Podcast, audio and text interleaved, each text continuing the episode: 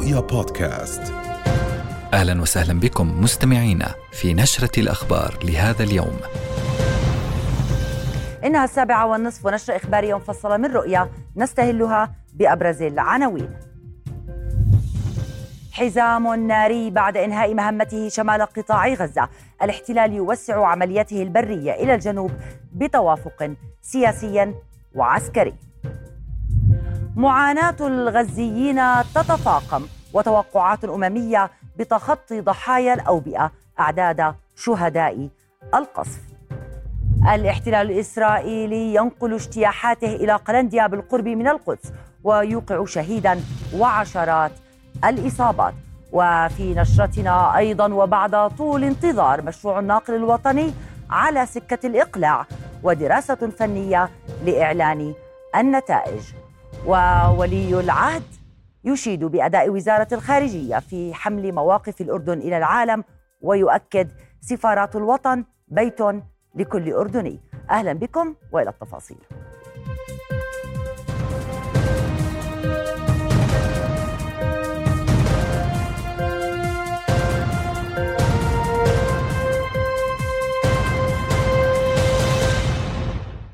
في اليوم التاسع والخمسين من الحرب ومع قرار تل أبيب توسيع نطاق عملياتها البرية لتشمل جنوب وادي غزة أطلقت آلة الحرب الإسرائيلية حزاما ناريا صوب وسط وجنوب القطاع عقب غارات عنيفة استهدفت مناطق الشمال. فقد قصفت طائرات الاحتلال منزلا في خان يونس جنوب قطاع غزة وخلفت سبعة شهداء وعددا من الإصابات. وفي السياق وصل 19 شهيدا إلى مستشفى المعمداني في غزة بعد قصف قوات الاحتلال مدرسة صلاح الدين تزامنا مع قصف طال منزلا في منطقة الحكر في مدينة دير البلح وسط قطاع غزة خلف عددا من الشهداء والمصابين. هذا وأظهر مقطع مصور تداوله نشطاء عبر الفضاء الإلكتروني لحظة استهداف مبنى قصر العدل في مدينة الزهراء وسط قطاع غزة والانفجار الهائل الذي غطى غباره المكان وحوله إلى ركام في ثوان معدودة نقترب أكثر من المشهد في قطاع غزة مع مراسلنا غازي العالول أهلا بك غازي كيف يبدو نسق العمليات الميدانية اليوم؟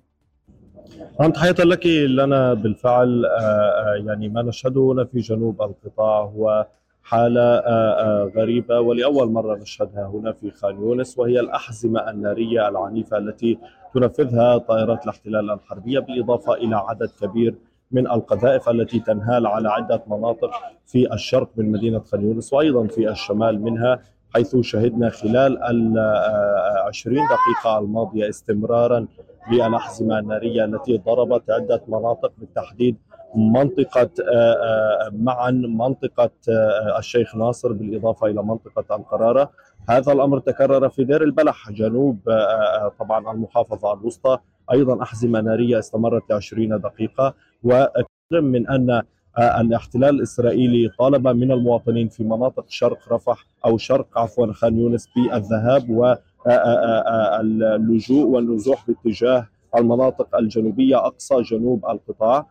في رفح بالتحديد إلا أنه يواصل تنفيذ عملية أخرى هناك يستهدف باحزمه ناريه بعشرات الصواريخ الكثير من منازل المدنيين في هذه المناطق. عمليا هي بداية واسعة لهذه العملية يحاول الاحتلال تطهير المناطق وفق المصطلحات العسكرية في نظرهم. هو يريد حرق المنطقة الشرقية لخان يونس تمهيدا لوصول الآليات العسكرية إلى قلب مدينة خان يونس وهذا سيناريو يشبه تماما ما شهدته مدينة غزة وشمال القطاع وبالتالي عمليا سيبدأ بأخذ خطوات إلى الأمام باتجاه الوصول إلى قلب مدينة خان يونس، جغرافيا هنا تعتبر هي المحافظة الأكبر ولكن من السهل الوصول إلى أعماق هذه المدينة بالنظر إلى المساحات الزراعية الواسعة والتي لا تصلح ابدا للقتال، بالتالي المقاومة الفلسطينية هي من جانبها تحضر نفسها جيدا لقادم الأيام. نعم شكرا لك مراسلنا غازي العالول كنت معنا من قطاع غزة. ووسط المعارك الضارية في محاور عدة داخل القطاع وقصف مستوطنات في غلاف غزة. أعلنت المقاومة الفلسطينية قصف حشود عسكرية إسرائيلية في جحر الديك ودبابة متوغلة شرق بيت لاهية بقذائف الهاون. كما أكدت مقتل وإصابة عدد من جنود الاحتلال بعد استهدافهم بقذيفة ياسين في منطقة الفالوجة. وذكرت المقاومة في بيانات, بيانات منفصلة أن مقاتليها تمكنوا من استهداف خمس دبابات وخمس ناقلات جند في محور شرق غزة. وأجهز عناصرها على عدد من جنود الاحتلال من مسافة صفر في منطقة حي الشيخ رضوان. كما جددت المقاومة قصف تل أبيب ومستوطنات نيريم ونير إسحاق ونير عوز برشقات صاروخية واستهدفت تحشيدات عسكرية شرق مستوطنة ماجين برشقة صاروخية في وقت دوت فيه صفارات الإنذار في كرم أبو سالم جنوب قطاع غزة. جيش الاحتلال من جهته زعم أنه هاجم 200 هدف في القطاع بعد إعلانه مقتل ثلاثة جنود شمالي ووسط قطاع غزة. ليرتفع عدد قتلى المعلن إلى 400 وجندي وضابط. العدوان البري والجوي والبحري يرفع عدد الشهداء بين الغزيين إلى 15899 منذ السابع من أكتوبر. 70% منهم أطفال ونساء.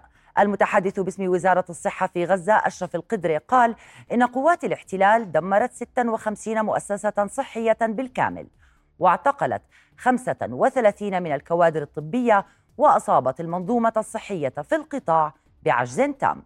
وجدد القدري نداءه إلى الأمم المتحدة ومنظمة الصحة العالمية بحماية المستشفيات والطواقم الصحية والإنسانية وبتوفير ممر آمن لدخول الإمدادات الطبية والوقود وخروج الجرحى.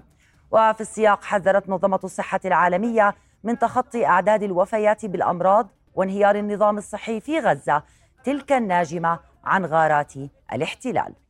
الاحتلال الإسرائيلي يزيد بالاستهداف المدنيين العزل في كافة مناطق قطاع غزة مما يخلف أعدادا كبيرة من الجرحى يأتون إلى مستشفيات قطاع غزة. هذه المستشفيات باتت مكدسة بأعداد كبيرة من الجرحى.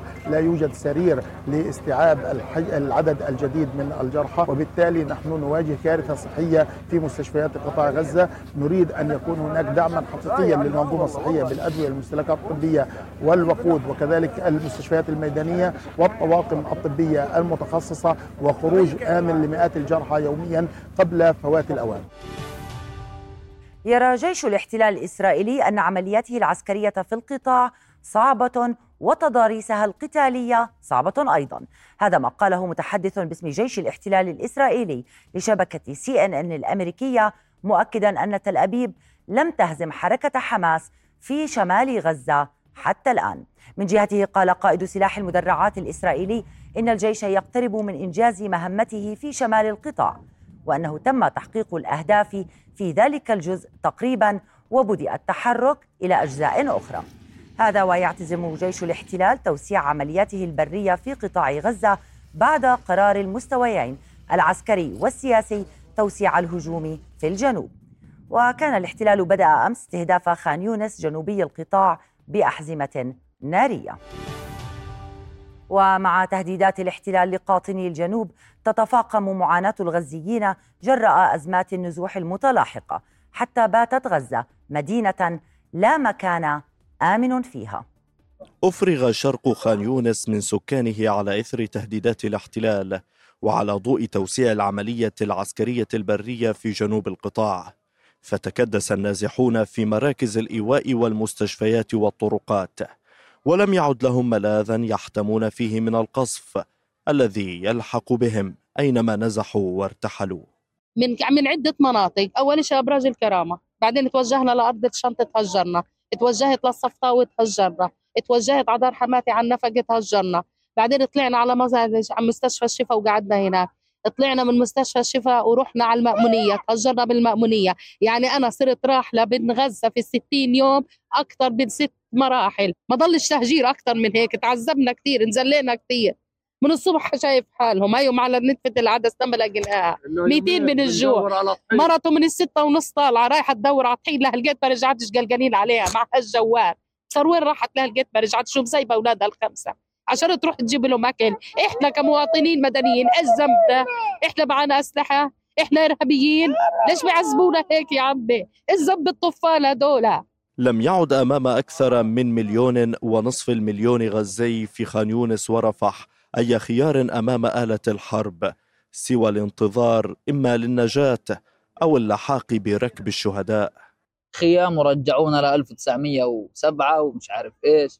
فالكلام هذا ما بزبطش. هذا لازم يتلقى له حل وإحنا بنناشد الأمم مع انه الأمم كلها مش مطلعة فينا. ولكن إحنا بنحكي لعل وعسى يقبلوا.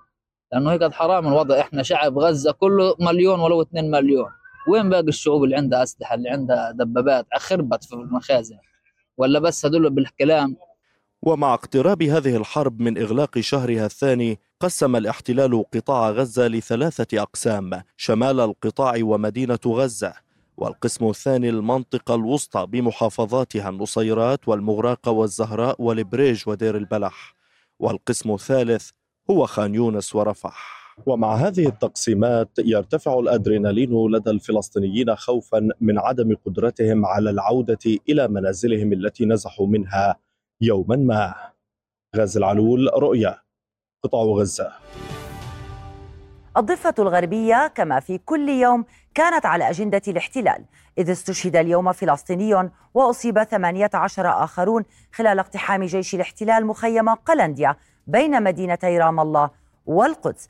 مصادر فلسطينية أفادت بأن الشهيد أصيب برصاصة في القلب وهو ضابط في جهاز الضابطية الجمركية التابعة للسلطة الفلسطينية ويبلغ من العمر 32 عاما. وخلال المواجهات التي اندلعت في مخيم قلنديا أصيب جندي من جيش الاحتلال وفقا لمراسلة رؤيا في القدس. خايفين نمضوا على دورنا يعني نروح على دورنا أنا ضارب شارع المعهد أنا ضارب الم... عند المخيم قلنديا. ولا خايفين يعني. 13 جندي فوق على السطوح مكنسين علينا إحنا. وفي مخيم قلنديا استهدفت قوات الاحتلال الإسرائيلي فريق رؤيا أثناء تغطيته الأحداث.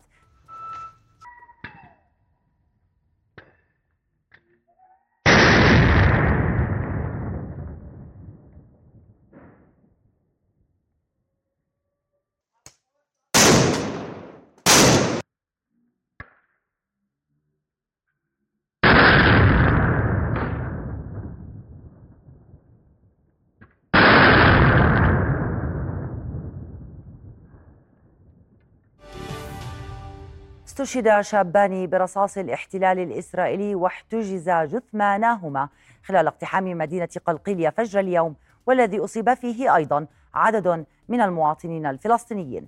وكانت قوات الاحتلال داهمت المدينة وانتشرت في أحياء متفرقة منها واعتقلت عددا من الشبان الفلسطينيين. وبحسب وزارة الصحة الفلسطينية ارتفعت حصيلة الشهداء في الضفة الغربية منذ بداية العام إلى 404 وستين من بينهم 256 شهيدا منذ السابع من تشرين الأول الماضي. وأذهب إلى الضفة الغربية من رام الله تنضم إلينا أسيل سليمان ومن الخليل مراسلنا محمد العدم. أهلا بكما وأبدأ معك أسيل. آه اليوم كان التصعيد الاحتلال في الضفة الغربية الأبرز في هذا التصعيد هو اقتحام آه، مخيم قلنديا ما أبرز التفاصيل الميدانية التي وقعت في عموم الضفة الغربية اليوم؟ نعم تصعيد الاحتلال واقتحاماته بدأ في الساعات المتأخرة من الليلة الماضية واستمرت حتى قبل قليل عند انسحاب جيش الاحتلال من مخيم قلنديا. في البداية ومنذ ساعات الصباح نفذ الاحتلال اقتحاما أو هي بالفعل وحدة من المستعربين أو ما تسمى بالوحدة الخاصة. تسللت إلى مدينة قلقيلية وبالتحديد إلى حي أو منطقة كفر سابا واشتبكت مع من أسمتهم بالمطلوبين. هن هم كانوا عبارة عن أربعة مقاومين موجودين في سيارة اشتبكت معهم بعد مواجهتها لهذه السيارة واستشهد شابان على الفور. آه، هم في الحقيقة من قادة كتائب شهداء الأقصى في مدينة قلقيلية. كما أصيب الشابين الآخرين وتم اعتقال واحد منهما على الأقل. خلال هذه العملية في الاقتحام التي طبعا تبعتها اقتحام لقوات الاحتلال إلى المدينة بالآليات العسكرية. شنت حملة اعتقالات وتخريب أيضا طال ممتلكات المواطنين وشن أو تنفيذ بعض التحقيقات الميدانية مع المواطنين. من قلقيلية إلى آه، مدينة أريحة التي أيضا اقتحمت صباح اليوم ومخيميها عين السلطان وعقبة جبر بالتحديد كما شنت حملة اعتقالات وخلال المواجهات التي دارت بين المقاومين والشبان المتصدين لقوات الاحتلال سجلت عدة إصابات بالرصاص الحي وأيضا أخرى بالغاز المسيل للدموع والغاز السام وكما ذكرت شنت حملة اعتقالات. إلى جنين التي أيضا كان لها نصيب من الاقتحامات كما في كل يوم. هذه الاقتحامات في جنين بالتحديد هدفت إلى تسجيل آه، آه، عدة اعتقالات وتم بالفعل آه، تنفيذها لعدد من الأسرى المحررين في الحقيقة من بينهم أب وابنه من ذات المنطقة. يعني هذا في ساعات الأولى للصباح. بعد ذلك في ساعات الظهيرة قامت قوات الاحتلال باقتحام اقتحام واسع لمنطقة بلدة بتوني آه، بلدة قلنديا عفوا وأيضا مخيم قلنديا شمال القدس المحتلة. خلال هذا الاقتحام أطلق أو أطلق الاحتلال الرصاص الحي بكثافة وأيضا القنابل الغاز المسيلة للدموع والغاز السام ما أدى لتسجيل 33 إصابة على الأقل 22 منها بالرصاص الحي في أماكن حيوية من الجسم. وانتشر القناصة بشكل كثيف على أسطح البنايات. قام أحد القناصة باستهداف شاب بشكل مباشر برصاصة حية أصابته في الصدر ما أدى إلى ارتقائه على الفور وهو الشاب علي علقم يبلغ من العمر 32 عاما وري الثرى قبل نصف ساعة على الأقل بعد أن ودعته عائلته الوداع الأخير في مخيم قلنديا. الاقتحامات في الضفة الغربية أصبحت وسيلة لمحاولة الاحتلال تقويض المقاومة وفرض نوع من الإحاطة عليها والسيطرة عليها لربما خاصة في المناطق والقرى والمدن والمخيمات التي تنتشر فيها حتى اليوم الكتائب المسلحة أو المجموعات المسلحة وخاصة المنظمة منها. نتحدث مثلا عن آه، عرين الأسود آه، في مدينة نابلس التي استهدفها الاحتلال لأكثر من عام ونصف حتى تقريبا يعني آه، آه، فرض سيطرته على المدينة. آه، لكن مع ذلك ومع استهداف المقاومة المسلحة في معظم أماكن تواجدها وأتحدث عن المقاومة المسلحة بالتحديد سجل على الأقل منذ السابع من أكتوبر قرابة 300 عمل مسلح واشتباك مع الاحتلال. في عموم الضفة الغربية وأيضا القدس المحتلة ما يعني أن محاولات الاحتلال لفرض هذه السيطرة الأمنية ومنع العمليات المقاومة والسيطرة على الكفاح المسلح لربما تبوء بالفشل بالرغم من أنها بالفعل آه، آه، لربما آه، قللت من من من كثافتها إذا أمكن التعبير وقللت من أماكن تواجدها. الآن لربما طول كرم تتصدر المشهد في الموضوع نعم لربما الكتائب المسلحة أو المجموعة المجموعات المسلحة خاصة مجموعات الرد السريع. يعني ختاما فيما يتعلق بالاعتقالات شنت قوات الاحتلال حملة اعتقالات طالت أكثر من 60 آه، آه، مواطنا في عموم الضفة الغربية أغلبهم من أسر من الأسرى المحررين وتركزت في المناطق التي نفذت قوات الاحتلال اقتحامات لها منذ الليلة الماضية وحتى اليوم. نعم شكرا لك أسيل آه، سليمان. كنت معنا من مدينة رام الله وأنتقل إلى مراسلنا محمد العدم. محمد من الخليل إذا كما قالت أسيل اقتحامات اعتقالات قتل وتدمير وكلها وسيلة لتقويض آه، المقاومة آه، محمد كيف كان المشهد في الخليل وفي بيت لحم اليوم؟ نعم آه، آه، المشهد لم يختلف كثيرا في الخليل وبيت لحم. آه، سنبدأ بالخبر العاجل الذي وقع قبل قليل حيث قام جنود الاحتلال بوضع خمسين أسيرا من محافظة بيت لحم ومحافظة الخليل على حاجز الجبعة القريب من بلدة صريف غرب المحافظة. جيش الاحتلال قام بوضعهم هناك وتركهم يذهبون إلى بلدة صريف حيث قام الأهالي باستقبالهم لمعرفة هوياتهم والاتصال بذويهم لنقلهم إلى قراهم وأماكن سكناهم. آه، قبل قليل حملة كبيرة من الاستيطان شهدتها محافظة بيت لحم آه، حيث صادرت قوات الاحتلال عشرة دنومات من أراضي قرية نحالين غرب بيت لحم لصالح مشروع استيطاني وهو توسيع مستوطنة بيت عين الجاثمة على أراضي المواطنين هناك. آه، هذا الحال لم يختلف كثيرا في قرية حسان القريبة من نحالين والملاصقة لها بعدما هاجم عشرات المستوطنين أراضي المواطنين وقام بوضع كرفانات متنقلة للاستيلاء عليها. جنود الاحتلال وصلوا إلى المكان إلى المكان عفوا واعتدوا على المواطنين الذين ذهبوا للدفاع عن أراضيهم وأخبروهم بأن هذه الأراضي أصبحت ملكا لهم وملكا للمستوطنين الذين وضعوا بيوتا وقاموا بها. حملة الاستيطان تواصلت في محافظة بيت لاحم بالتحديد بعدما قامت قوات الاحتلال بهدم ست غرف زراعية في قرية العبيدية. كانت تعود للمواطنين قام بهدمها وأخبروهم بأنها بأن هذه الأراضي هي أراضي ستكون ضمن المخططات التوسعية الاستيطانية للمستوطنات الجاثمة على محيط قرية العبيدية. بيت لحم فجر اليوم شهد مخيم دهيش اقتحاما كبيرا لقوات الاحتلال. العشرات من الجنود هاجموا منازل المواطنين وأطلقوا الرصاص بكافة أشكاله واعتقلوا 15 شابا قبل الانسحاب من المخيم. عمليات الاقتحام في محافظة الخليل وبيت لحم لم تتوقف عصر هذا اليوم. انسحبت قوات الاحتلال من شارع السلام وسط مدينة الخليل بعد ساعات طويلة حيث قاموا بتفتيش العديد من المنازل والمحلات وقاموا بإبلاغ بعض المواطنين بضرورة مراجعة مخابراتهم في جوش عطسيون.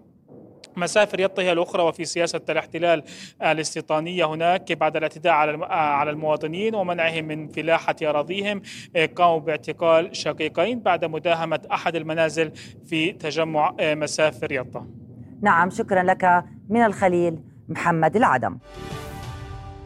بعد توقف دام أكثر من شهرين استؤنفت اليوم محاكمة رئيس وزراء كيان الاحتلال الإسرائيلي بنيامين نتنياهو بتهمة الفساد بعد محاولته استغلال العدوان على غزة للتهرب من المثول أمام القضاء وتحول محاكم الكيان إلى العمل على أساس طارئ في أعقاب هجوم طوفان الأقصى. مستقبله السياسي على المحك. ومن المرجح أنه استنفد كل بطاقاته في محاولة التهرب من المحاكمة. والآن نتنياهو يعود إلى أروقة ما تسمى بالمحكمة المركزية في القدس في جلسات استماع له بقضايا فساد وكانت محاكمة رئيس وزراء الاحتلال قد توقفت بعد السابع من أكتوبر اعتبارا أن محاكم الاحتلال باتت تعمل بوضع الطوارئ. فمنذ بداية الحرب ونتنياهو يدس عصاها في دولاب محاكمته محاولا تعطيله. لكن على ما يبدو لم يعد ذلك يفلح. والآن هو يحاول إطالة أمد العدوان على غزة متذرعا بأهداف عليه تحقيقها منها إعادة المحتجزين الصهاينة والقضاء على حماس. يعني نتنياهو يتصرف في هذه الحرب وإدارتها وكأنه يدير حملة انتخابية. هو يفكر بالمكاسب الحزبية والانتخابية والشخصية من كل قرار يتخذه. في حال انتهاء الحرب يعني نتيجة الحرب بجزء كبير سيتوقف عليها الإجابة على هذا السؤال. ولكن في كل الأحوال نتنياهو سيواجه لجان تحقيق سيواجه مطالب شعبية كبيرة جدا بإقالته والذهاب للانتخابات سيواجه ضغط أمريكي أيضا للذهاب للانتخابات لأن أمريكا لديها مشاريع للمنطقة ونتنياهو حجر عثرة فيها. الركيزة الأساسية التي سيحاول نتنياهو أن يستند إليها هو وجوده في الحكم والحفاظ على وجوده في الحكم لأطول فترة ممكنة وأعتقد أنه لن يصمد في ذلك. المحكمة ستواصل عقد جلسات الاستماع إلى شهادات في عدد من الاتهامات الموجهة لنتنياهو وقد يعفى من المثول أمامها ولكن قد يطلب منه الإدلاء بشهادته في غضون أشهر قليلة. الحكومة الإسرائيلية تدرك مساعي نتنياهو جيدا لكن مصالح مشتركة هي ما تخفت أصوات المعارضة ولو قليلا. هو هنا تقاطع مصالح. يعني الأحزاب الدينية أيضا تقرأ الاستطلاعات وترى أنه هناك تراجع لأحزاب اليمين وأن اليمين لن يحصل على 40 مقعد في الانتخابات القادمة وبالتالي مصلحة هذه المجموعة هي بالبقاء في الحكم. ولذلك هم يتواطؤون معه في هذه الجزئية ويعتبرون أنه مصيرهم أصبح مرتبط بمصير نتنياهو. يرى محللون أن نتنياهو هو رجل ميت سياسيا أصلا، لكنه على الأقل يمارس ما يستطيع من حيل كي لا ينتهي الأمر به مدانا أو خلف القضبان. وفي سبيل ذلك يبحث عن صور نصر وهمي يقدمها طبقا لآلاف المستوطنين الجائعين فيقصف المستشفيات في غزة مدعيا العثور على أنفاق المقاومة تحتها ويرضخ لشروط المقاومة في صفقة تبادل إلا أن مستوطنوه باتوا يدركون أن هذا الطبق لا يسمن ولا يغني من جوع. من رام الله المحتله أسيل سليمان رؤيا.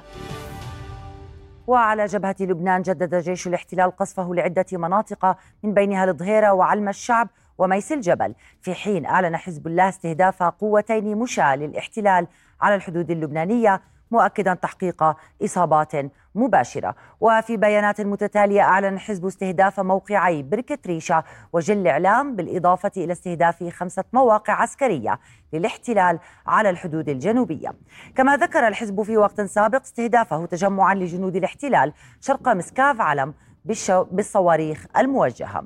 وكان جيش الاحتلال أعلن إصابة ثلاثة من جنوده بجروح الليلة الماضية. جراء إطلاق قذائف هاون من لبنان تجاه منطقة شتولة الحدودية. يعقد مجلس الأمن الدولي الليلة جلسة مشاورات مغلقة تحت البند المعنون الوضع في الشرق الأوسط بما في ذلك قضية فلسطين. ومن المتوقع أن تقدم رئيسة الشؤون السياسية وبناء السلام في الأمم المتحدة روزميري دي كارلو إحاطة إلى الأعضاء بهذا الشأن. وكانت دولة الإمارات العربية المتحدة العضو العربي في المجلس طلبت عقد الجلسة بسبب استئناف الأعمال العدائية المقلقة للغاية واستمرار الوضع الإنساني المتردي في قطاع غزة. إلى ذلك قدمت أبو ظبي مشروع قرار يجري التفاوض بشأنه بين أعضاء المجلس لزيادة المساعدات الإنسانية إلى غزة. منظمات دولية ناشدت المجتمع الدولي لبذل جهد أكبر لوقف إطلاق النار ووضع حد للهجمات الدموية على المدنيين الفلسطينيين والسماح بدخول المساعدات الإنسانية لإغاثة الغزيين صرخات للعالم كي يسمع إن وجدت آذان صاغية فنزيف الدم أصبح أكثر من أن يحتمل شو اللي صار؟ نكبة نكبة إيش اللي صار؟ دار وقعت علينا بنتي أربع سنين ونص تحت الردم عمتي هيا مرمية مش عارفين تعيش ولا تموت 45 شهيد في الدار صغارنا بالثلاجات إيش بدك نقول لك؟ هذا الواقع الذي تعيشه غزة والذي تتحدث عنه منظمات دولية أطلقت هي الأخرى صرخاتها. فالمتحدث باسم منظمة الأمم المتحدة للطفولة اليونيسف جيمس إلدر قالها بوضوح إن أسوأ قصف في الحرب يجري حاليا في جنوب قطاع غزة وإن هناك خسائر فادحة في صفوف الأطفال. مضيفا أن هناك انذارا أخيرا لإنقاذ أطفال غزة وضميرنا الجماعي. أما منظمة أطباء بلا حدود فناشدت المجتمع الدولي لتحقيق وقف فوري ومستدام لإطلاق النار في قطاع غزة ووقف اجمات الاحتلال الإسرائيلي الدموية على المدنيين. كما ذكرت المنظمة في بيانها فإن كيان الاحتلال الإسرائيلي أظهر تجاهلا صارخا وكاملا لحماية المرافق الطبية وأفادت بأن المستشفيات تحولت إلى مشارح وأنقاض. كنا إحنا مداومين بسنافور وإحنا مخ... يعني ناس برا وناس جوا مخلية في قلب الموقع موقع السنافور. تم الاستهداف جنب الموقع بالضبط. هناك إصابات من أولادنا وكانوا موجودين يعني اللي مخليين برا وإحنا بقينا هذه هي الحال في غزة. التي تعاني تحت وطأة عدوان الاحتلال منذ شهرين. تنام إن تسنى ذلك وتستيقظ على جرائم هزت العالم كله لكنها لم توقظ ضمائر من يدعم الاحتلال بعد. وفي الوقت الذي يوسع فيه جيش الاحتلال عمليات التوغل في القطاع حثت الحكومة الألمانية تل أبيب على ضمان حماية فعلية لمئات الآلاف من المدنيين.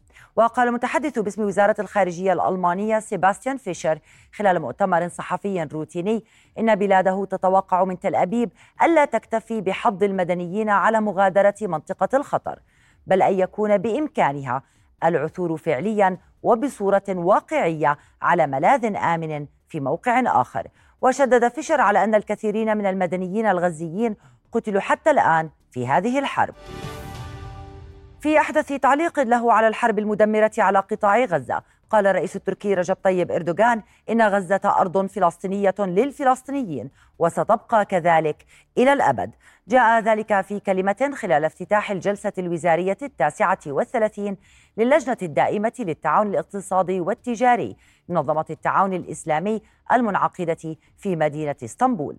ونوه إردوغان إلى أن منظمة التعاون الإسلامي التي تأسست بهدف الدفاع عن القضية الفلسطينية توفر أرضية مهمة للنضال بصوت واحد وجسد واحد. وحول الموقف التركي شدد أن أنقرة لن تسمح بنسيان مسألة الأسلحة النووية التي أقرت دولة الاحتلال بامتلاكها مؤكدا استعداد بلاده لتحمل أي مسؤولية في سبيل السلام في منطقة الشرق الأوسط. جديد الناقل الوطني وغيرها من أخبار المال والأعمال مع حمدان عايش. إليك حمدان. شكرا لنا.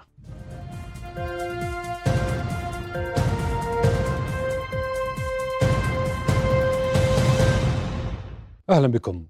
أعلنت وزارة المياه والري استلام عرض واحد من الائتلافات المؤهلة لتنفيذ مشروع الناقل الوطني الأردني لتحلية ونقل المياه من العقبة إلى محافظات المملكة كافة. الوزارة أعلنت أنه جرى فتح العرض المقدم من شركة ميريديم سويز وأن لجنة الشراء الخاصة للمشروع بدأت بدراسة العرض فنيا ليصار إلى دراسة العرض المالي وإعلان النتائج خلال وقت قريب. وحصل الأردن اليوم على تمويل أوروبي بقيمة 150 مليون يورو لتمويل المشروع على هامش قمة المناخ في دبي ويهدف المشروع إلى تحلية ونقل 300 مليون متر مكعب من المياه المحلاة من خليج العقبة إلى البحر الأحمر إلى جميع مناطق المملكة بالاعتماد على الطاقة المتجددة كخيار وطني لتأمين كميات مياه إضافية مستدامة لمواجهة العجز المائي للمملكة وتأمينها لتغطية احتياجات الشرب خلال العقدين المقبلين. دعا رئيس الوزراء بشر الخصاونة البنك الدولي للمساهمة في تنفيذ مشروعات ذات أولوية للأردن سيما مشروع الناقل الوطني للمياه ومشاريع الخدمات الحكومية الرقمية. وخلال لقاء مع رئيس مجموعة البنك الدولي أجاي بانجا على هامش مؤتمر المناخ كوب 28 المنعقد في دبي حاليا أكد على دور البنك الدولي والجهات المانحة لتوفير الدعم المطلوب لدعم خطة الاستجابة الأردنية للأزمة السورية لمواجهة تحديات أزمة اللجوء. بدوره أكد رئيس مجموعة البنك الدولي أهمية شراكته الاستراتيجية مع الأردن مشيدا بالإصلاحات التي تنفذها الحكومة ومبديا استعداده للتعاون مع الأردن لتجاوز التحديات الاقتصادية التي تواجهه سيما في ظل التباطؤ الذي تشهده الاقتصادات العالمية. وفي ذات السياق جدد رئيس الوزراء بشر الخصاونة في جلسة حول مبادرة المناخ واللاجئين التي أطلقها الأردن في النسخة الماضية من المؤتمر في شرم الشيخ الدعوة للدول إلى الانضمام للمبادرة الهادفة إلى تحديد الأولويات لدعم البلدان المستضيفة التي تتحمل وطأة تغير المناخ حيث انضم إليها 60 دولة. ولفت إلى أن 75% من اللاجئين وغيرهم ممن يحتاجون إلى الحماية الدولية تستضيفهم البلدان المنخفضة والمتوسطة الدخل التي تتأثر بشكل متزايد بالعوامل المناخية والكوارث وتزايد الديون الخارجية ما يعيق قدرتها على تلبية احتياجاتها الوطنية. كشفت نتائج دراسة أجرتها جمعية البنوك أن مساهمة القطاع المصرفي في الناتج المحلي الإجمالي الأردني تصل في المئة وكل دينار يتم إنفاقه في القطاع يسهم في الاقتصاد الوطني بحوالي دينار ونصف الدينار بشكل مباشر وغير مباشر. وبينت الدراسة التي عرضتها الجمعية لإظهار دور البنوك وإسهاماتها في الاقتصاد الوطني أن إنفاق البنوك على المسؤولية المجتمعية يصل إلى 30 مليون دينار سنويا أو ما يعادل من 5 إلى 6% من الأرباح الصافية للبنوك. وأوضحت أن ضريبة الدخل المدفوعة من القطاع المصرفي تشكل 20% من إجمالي الضرائب المحصلة في الأردن العام الماضي بمقدار 277 مليون دينار. ويقدر عدد العاملين في القطاع المصرفي ب 22400 أردني. تشكل النساء منهم 35% يعملون في 865 فرعا للبنوك موزعة داخل المملكة. قدرت الدراسة أنه زيادة التسهيلات الائتمانية بمقدار 10% تؤدي إلى زيادة آه، في القيمة المضافة في قطاع الصناعة في قطاع التعدين في قطاع الخدمات والقطاعات آه، آه، الأخرى. تقريبا من 2.5 ل 3% تفاوتت حسب القطاع. هذا كله بيعطينا مؤشر على حيوية وعلى أهمية دور القطاع المصرفي في الإسهام في العملية التنموية وبناء الاقتصاد الوطني. أشرنا من ضمن عناصر قوة القطاع المصرفي هو تدني مستويات القروض غير العاملة أو القروض المتعثرة التي لم تتجاوز 5% وكان السؤال على موضوع أسعار الفائدة وتأثيرها. إحنا بنتوقع اليوم بعد استقرار أسعار الفائدة بدون تعديل خلال آخر اجتماعين للفدرالي الأمريكي. بنتوقع إن شاء الله حسب ما بتشير كل التوقعات العالمية لأنه أسعار الفائدة مع الربع الأول من العام القادم راح تبدأ إن شاء الله بالانخفاض. كشفت وزارة الطاقة والثروة المعدنية أن اللمسات الأخيرة لخطة عمل نشر حلول تخزين الطاقة المتجددة ما يضمن مرونة النظام الكهربائي وزيادة موثوقية الكهرباء المتجددة وذلك في حفل أو حفل إشهار تقييم الاستثمار في الطاقة لعام 2023 وأحرز الأردن تقدما كبيرا في تقييم مخاطر الاستثمار في الطاقة بحسب منظمة ميثاق الطاقة العالمي.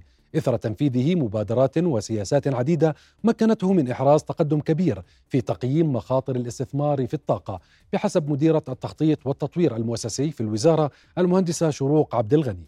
وساهمت مشاريع الطاقة الشمسية والرياح في رفع نسبة مساهمة الطاقة المتجددة في الأردن من الكهرباء المولدة من 1% في عام 2014 إلى 27% بحلول منتصف عام 2022 فيما وضع الأردن هدفا لتعزيز كفاءة استخدام الطاقة بنسبة 9% بحلول عام 2030 وقعت شركة المدن الصناعية الأردنية اتفاقيتي تنفيذ وإشراف لإقامة المصانع النمطية في مدينة مأدبة الصناعية بكلفة 200 مليون دينار. وستقام المباني الجديدة بمساحات مختلفة لتلبية احتياجات المستثمرين في مختلف القطاعات العاملة في المدينة وفقا لأحدث المواصفات الهندسية المعمول بها. مدير عام شركة المدن الصناعية الأردنية عمر جويعد قال إن إقامة مباني صناعية في مدينة مأدبة الصناعية يأتي بعد إشغال كافة مساحات المباني الصناعية ضمن المرحلتين الأولى والثانية على مساحة تقارب 18 ألف متر مربع. وكشف أنه يجري حاليا متابعة طلبات استثمارية جديدة في مدينة مأدبة الصناعية التي تضم اليوم 34 استثمارا صناعيا بحجم استثمار بلغ 22 مليون دينار. تخطى سعر الذهب مستواه القياسي التاريخي متجاوزا 2100 دولار للأونصة في ظل التوقعات بخفض الاحتياطي الفيدرالي الأمريكي أسعار الفائدة خلال العام المقبل. وفي بداية تعاملات اليوم سجل الذهب حاجز 2135 دولارا للأونصة محطما الرقم القياسي التاريخي الذي سجله عام 2020 أبان تفشي جائحة كورونا. وفي ظل عدوان الاحتلال على غزة سجل تهافت على شراء الذهب الذي يشكل ملاذا آمنا خلال الأسابيع الماضية. كما تصاعدت عمليات شراء الذهب بعدما أعلن رئيس الاحتياط الفيدرالي جيرم باول الجمعة أن معدلات الفائدة بلغت مستوى تقييديا بما فيه الكفاية محركا الآمال في أن يبدأ الاحتياطي قريبا بخفض معدلات الفائدة. أفادت منظمة هيومن رايتس ووتش أن قطاع الوقود الأحفوري في الإمارات يعزز مستويات تلوث الهواء المرتفعة على نحو مقلق. هذا ما خلص إليه تقرير بعنوان يمكنك شم النفط في الهواء. الوقود الأحفوري في الإمارات يغذي التلوث السام. نشر بالتزاون بالتزامن مع استضافة الإمارات قمة المناخ كوب 28 واستند التقرير إلى مراجعة وتحليل بيانات تلوث الهواء الحكومي وصور الأقمار الاصطناعية من عام 2018 إلى عام 2023 ولفت التقرير إلى حرق الوقود الأحفوري لأغراض النقل والتسخين وحرق النفايات وتوليد الكهرباء والأنشطة الصناعية الأخرى من بين المصادر التي تسهم في تدني نوعية الهواء في الإمارات البالغ عدد سكانها حوالي عشرة ملايين نسمة. إلى هنا نصل إلى نهاية أخبار الاقتصاد. عودة إليك لنا. شكرا حمدان.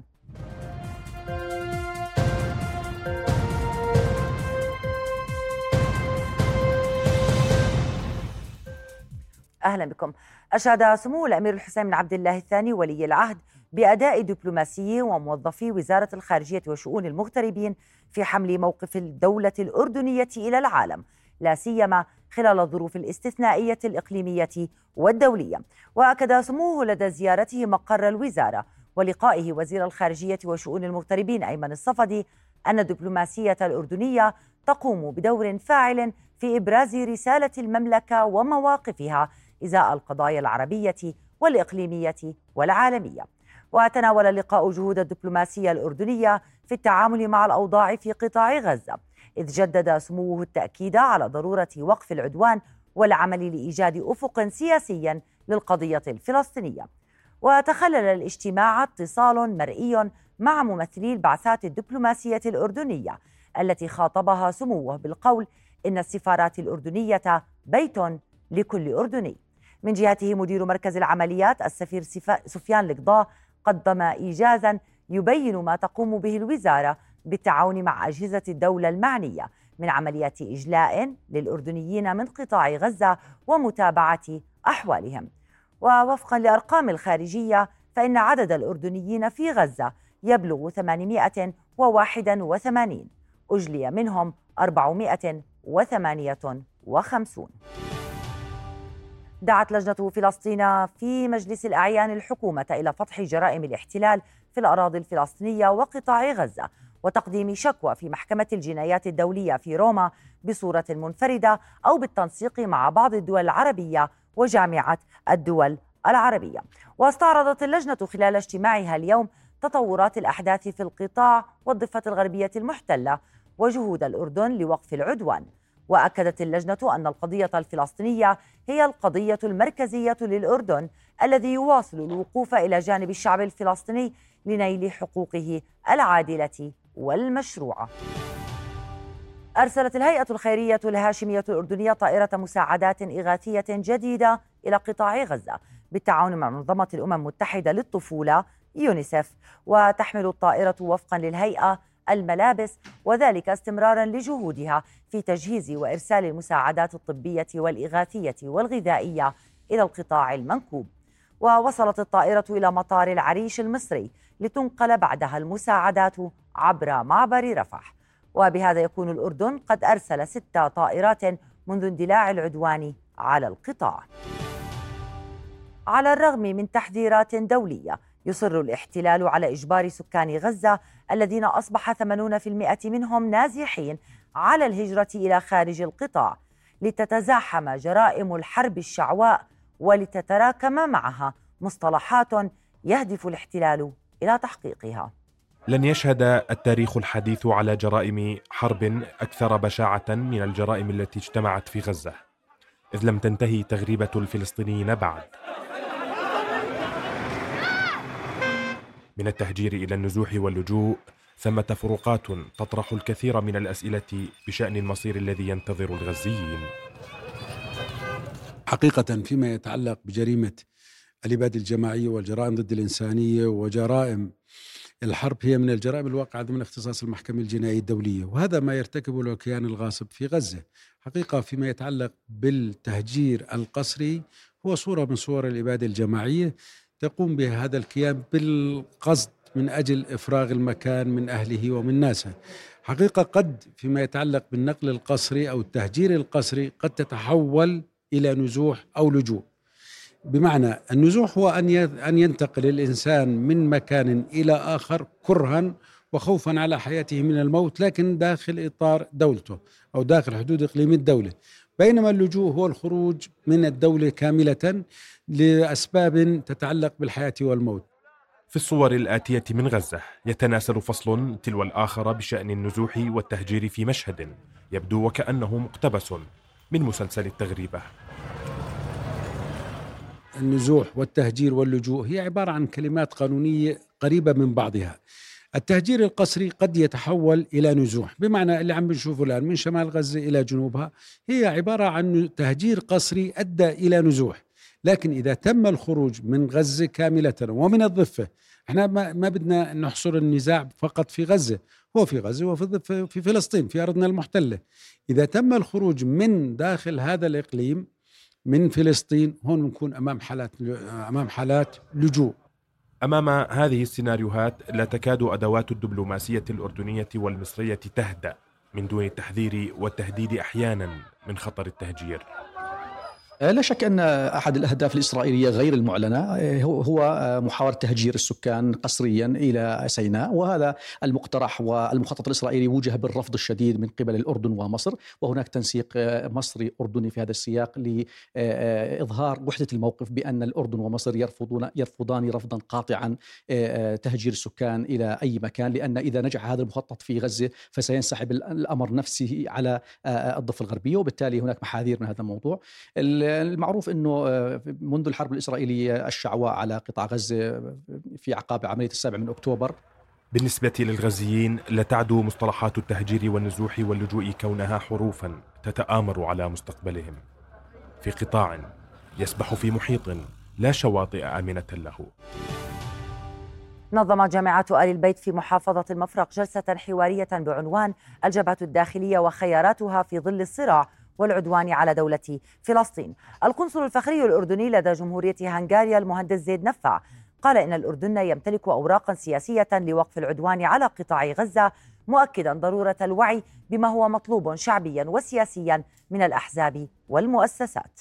الأردن دائما يذكر العالم بمحورية ومركزية القضية الفلسطينية ويقول لا ينعم جلالة سيدنا والأردن أنه القضية الفلسطينية هي القضية المركزية ولن ينعم الإقليم ولا والعالم ولا إسرائيل بالأمن والأمان ما لم يتم تحقيق رؤية الفلسطينيين وإقامة الدولة الفلسطينية على ترابه الوطني. الأردن دائما قوي ومنيع وعلاقاتنا الدولية والإقليمية قوية وينال الأردن وجلالة سيدنا احترام كبير لدى المجتمع الدولي. وللأردن أوراق سياسية وأوراق ضغط كبيرة ولكن عندما نتحدث عن الجبهة الداخلية علينا أن نكون واقعيين. ما هو المطلوب؟ شعبيا ما هو المطلوب من الأحزاب السياسية؟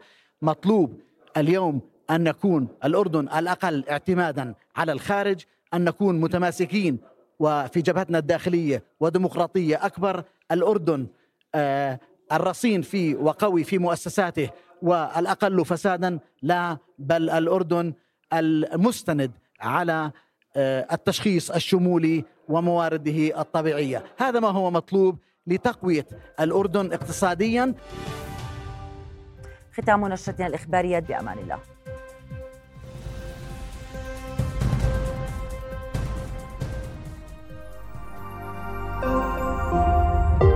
رؤيا بودكاست